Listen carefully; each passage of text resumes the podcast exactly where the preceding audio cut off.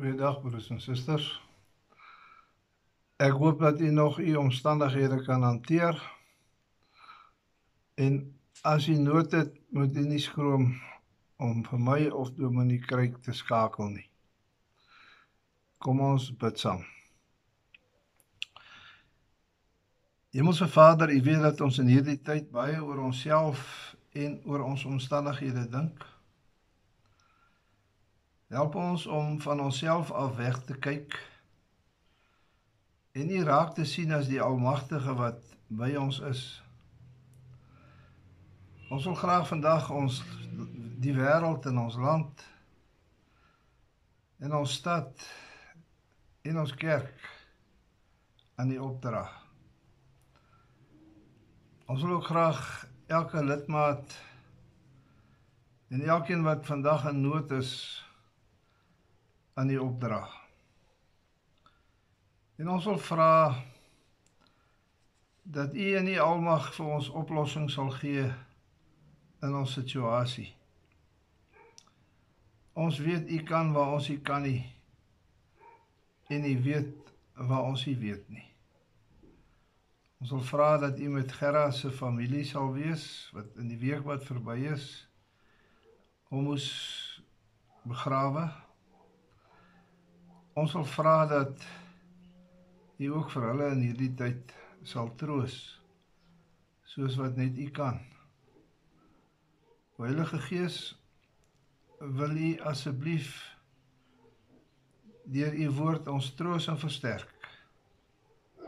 Ons vra dit in die naam van Jesus Christus die Here. Amen.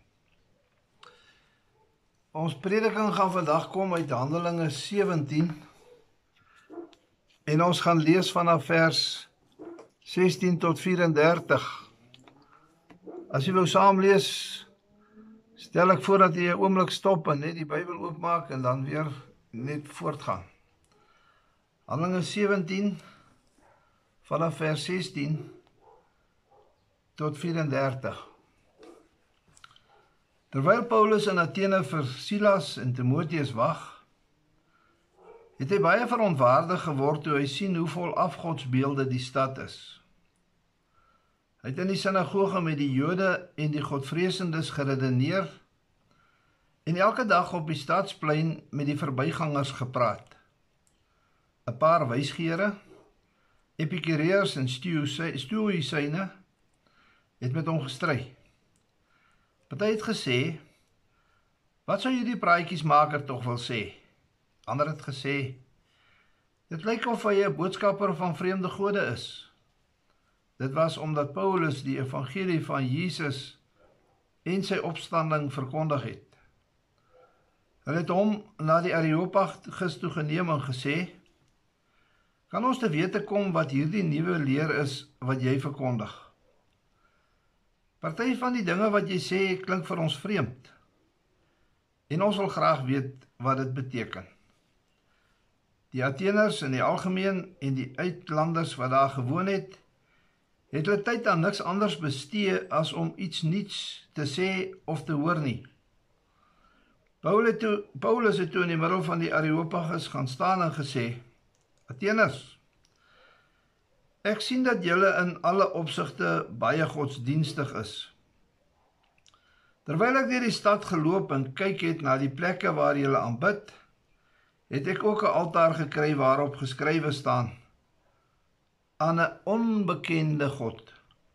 Nou ja, wat julle aanbid sonder om daarvan kennis te hê, verkondig ek aan julle. God wat die wêreld met alles wat daarin is gemaak het, Hy is die Here van hemel en aarde.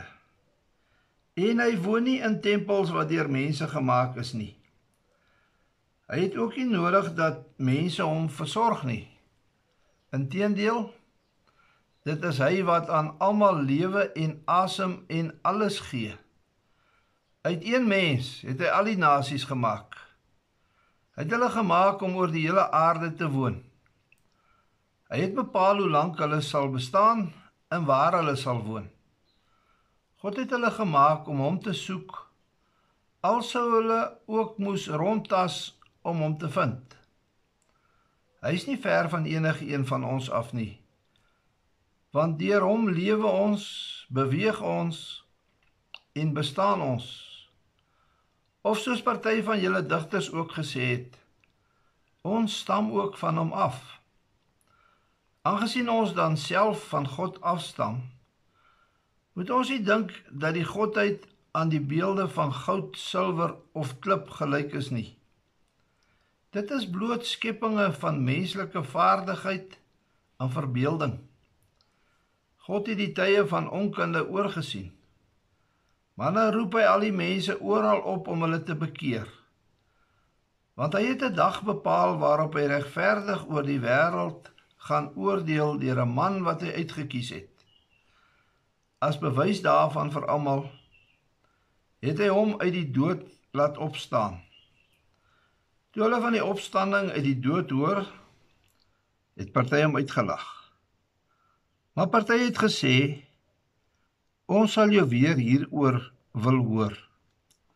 So het Paulus van hulle af weggegaan.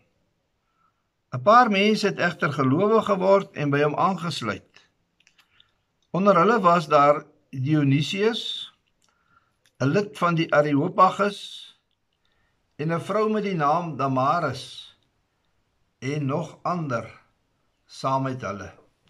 Tot sover ons skriflesing.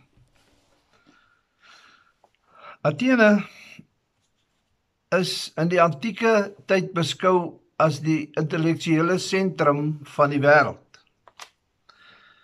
Hier het Paulus dan nou ook vir Silas en vir Timoteus gewag. En terwyl hy daar wag, loop hy deur die stad en dit val hom op hoe ongelooflik baie afgodsbeelde daar is. En dis 'n saak waaroor hy toe baie verontwaardig is. In die rede hy het geweet daar's net een God. God wat hom in sy seun Jesus Christus aan die mensdom openbaar het. Paulus is ook verontwaardig omdat God se eer op die spel is. Maar nou moet jy oplet. Sy styl is toe nou nie om te gaan en al die beelde om te stoot of stukkend te slaan nie. Hy sluit aan by die gegeewe werklikheid. En hy begin praat met die mense in die parke en in die pleine en in die mark en op die straathoeke. Sy styl moet ons so verstaan. Dit help nie dat 'n mens 'n verbod op alles plaas en dan dink mense gaan dit nie meer doen nie of sal ophou met die verkeerde nie. Paulus redeneer so. As jy die mense kan ooreed dat daar 'n lewende God is en hulle hulle dan bekeer, dan gaan afgodsbeelde uitgedien wees. Die groot tydverdryf daar in Athene was dat mense op die Areopagus sou gaan staan en redeneer. Nou die Areopagus was 'n heuwel wat oor die stadsplein uitgekyk het. En daar het Paulus toe nou in gesprek gegaan met die geleerdes wat daar vergader het. En sy aanknopingspunt met hulle was toe die altaar wat aan 'n onbekende God gewy is. Paulus verwys na die onbekende God om hulle onkundigheid oor die godsdiens uit te wys. Ons lees in vers 23.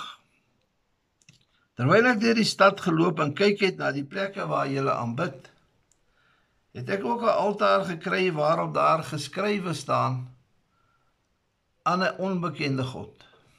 Nou ja, wat julle aanbid sonder om daarvan kennis te neem verkondig ek aan julle Daar's 'n ou Indiese verhaaltjie wat mooi demonstreer wat Paulus hier verduidelik. Die verhaal vertel van 'n koning wat 'n paar blinde mense na sy paleis toe laat kom het. En toe laat hy 'n olifant in hulle midde staan en hulle moes raai wat dit is wat daar tussen hulle staan. En hulle raaiwerk het nou vir sy gaste groot vermaak verskaf. Maar daar was 'n les wat sy gaste moes leer. Die antwoorde van die blindes was verteenwoordigend van die verskillende godsdienste in die wêreld. En hulle moes leer dat die hulle pogings om die waarheid te begryp dat daardie waarheid groter was as hulle self. Paulus het in Athene gesien hoe die mense op hulle eie soos blindes rondtas na die waarheid. En toe besef hy die noodsaak om die evangelie van die lewende God aan hulle te verkondig. En dit word hier onderstreep dat die waarheid nie verkry word deur die soeke van 'n mens nie. Dit word verkry uit die openbaring van God wat verkondig word. Daarom staan Paulus op die markplein in Athene en op die Areopagus. En sy boodskap is van God kan nie een van ons meer weet as wat God self aan ons openbaar het nie. Die moderne mens wat baie van ons insluit het nie tyd en ruimte vir God nie. God word vandag vervang deur die tegniek en die tegnologie. Vandag verklaar fisika die weerlig. Antibiotika word gebruik om die siekes gesond te maak. As daar droogte is, kry jy 'n spesiale soort kunsmis, verstaan ek. Vir kanker is daar nou chemoterapie. En die mense so bekwam uit al maan toe gereis. Ons het satelliete in die ruimte wat die weer voorspel. Wie dan nou vir God nodig? Vroeger was hy die God van die gapings in ons kennis. Hy moes sorg vir die onbeheerde dinge in ons lewe waarvoor ons bang was. Maar nou sorg, ekskuus tog, en nou sorg ons myself. Of so dink ons. Maar die boodskap geld vandag nog en die boodskap is ook vir die moderne mens. Die Here is nog steeds God. Vir die geleerdes in Athene is Paulus se boodskap: Julle dink julle is selfstandig ook in die godsdiens. Maar die aanwesigheid van so baie afgodsbeelde bewys eintlik dat julle nie op julle eie reg kom nie. Broers en susters, Die wêreld van Paulus is nie so ver verwyder van ons soos wat ons baie keer dink nie. Dit kom net op ander maniere tot uitdrukking. Die mens van ons dag stort sy ambisies en drange uit op duisende altare. Voorspoed, rykdom, mag in 'n posisie in die samelewing die najag van genot.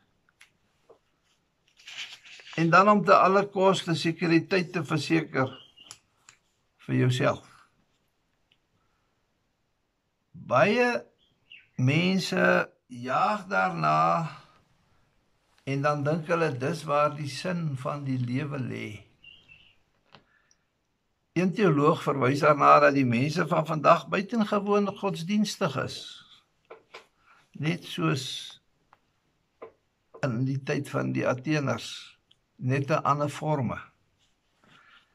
Die mense gaan op in nasionalisme. Sosialisme, kapitalisme of kommunisme. Dit wat die mens se lewe bepaal, is nie God nie. Nou ook nie sy wil nie. Dis al die ismes. Ons is gemaak om na die wil van God te soek. Maar nou blindoek ons onsself. En dan tas ons rond. As dit kom by diens van barmhartigheid, dan beroep ons ons op die kapitalisme en sê maar jy moet vir jouself sorg. As dit gaan oor die verhouding tussen gelowiges, dan beroep ons ons op die nasionalisme met sy klem op die kultuur eie. Wanneer die ander se goed begeer, dan beroep jy jou op die sosialisme. Want dit vra ons ons moet alles tussen mekaar verdeel. Maar al hierdie moderne gode kan net so min die gat in ons hart vul soos die gode van Athene. Die Atheners het deur die jare krities geword op die godsdiens. En nou kom Paulus en hy wys dat daar nie 'n altaar al opgerig is wat alle verskil gemaak het nie. En hy antwoord die Ateners se skeptisisme teenoor die wêreld met die boodskap van die Christelike geloof. En hy sê vir hulle en vir ons Dis nie nodig dat jy so moet rondtas nie.